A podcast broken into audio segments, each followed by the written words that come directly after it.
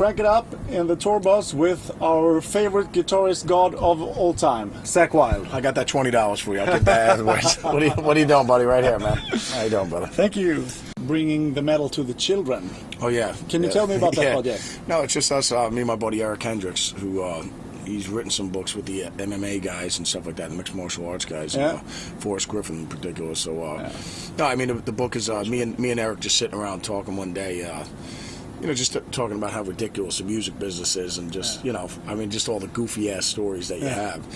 So, uh, I mean, it's not an autobiography. What it is is just basically when I first started, you know, and you just even even your little club band, you know, when you're playing at backyard parties Yeah. in somebody's kitchen, I'm, I'm just talking like the ridiculousness from day one since I've been 14, 15 years old to, you know, even with the Ozzy years and then Black Label and, uh, you know, I mean, just how ridiculous the whole thing is. And then, you know, with the music business, you just run into it's a whole cast of characters. Everybody's a cartoon character, you know what I mean? So, uh, no, it's just you could basically open this book up anywhere and just start laughing your ass off anywhere in there. So you know, it's just taking the piss out of myself, the piss out of the music business, the whole nine yards. Is it released yet, or is it No, it won't be released? released until I think uh, until September.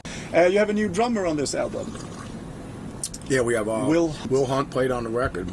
Uh, I mean, the beautiful thing about the unique thing about Black Label, no one ever gets fired or no one quits. It's just, uh, you know, I mean, with Craig, uh, the reason why Craig couldn't do it anymore financially between his wife and his son, he was like, Zakk, if we're not touring year round, I'm gonna have to do something, find something else to do. So, you know, I completely understand that. I mean, you know, you got to take care of family. So, uh, but no, Will, we knew Will from, uh, he was playing with Static X at the time when we were out on this Pedal to the Metal tour.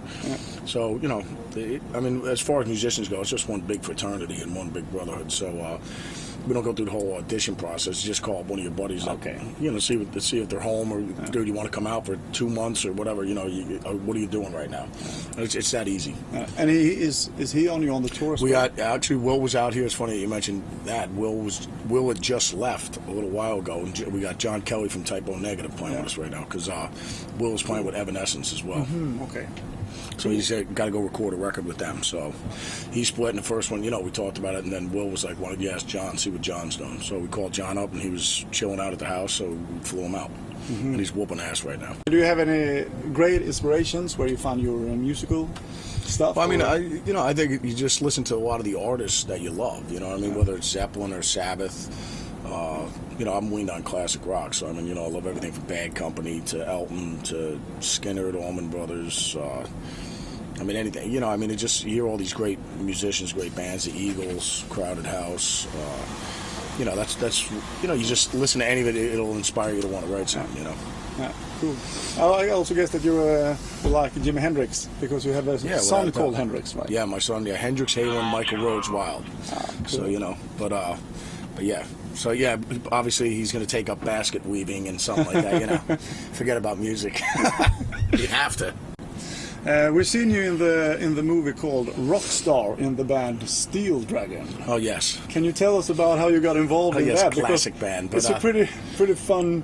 Oh no no, I, Picture, I, had uh, a, I had a good time making a movie. I mean, uh, Mark And did you Wahlberg, play all the stuff that is in the movie as well? Yeah, yeah, yeah. I did with the soundtrack and everything like that. So I mean, it was a lot of fun, man. I, I had a good time doing it. I mean, I didn't write any of the songs or anything like that, but because everything was already written before I even got around. But uh, okay.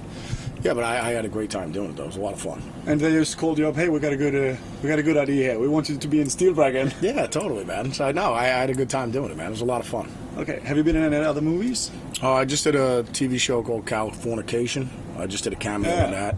So uh, Tom Kapinos, the guy who, you know, designed the show and everything like that, and directs and everything, he uh, he just asked me. He said, "Zakk, would you want to be?" Uh, yeah, no problem. So I mean, whenever I get asked to do those things, it's always a good time. You know what I mean? If you were to put together your um, dream team band with living or dead musicians that you really would like to play with, what would be your dream Well, I mean, I, I've been blessed with, you know, I've Yeah, actually played with, I played good- with a lot of my heroes, you know what I mean?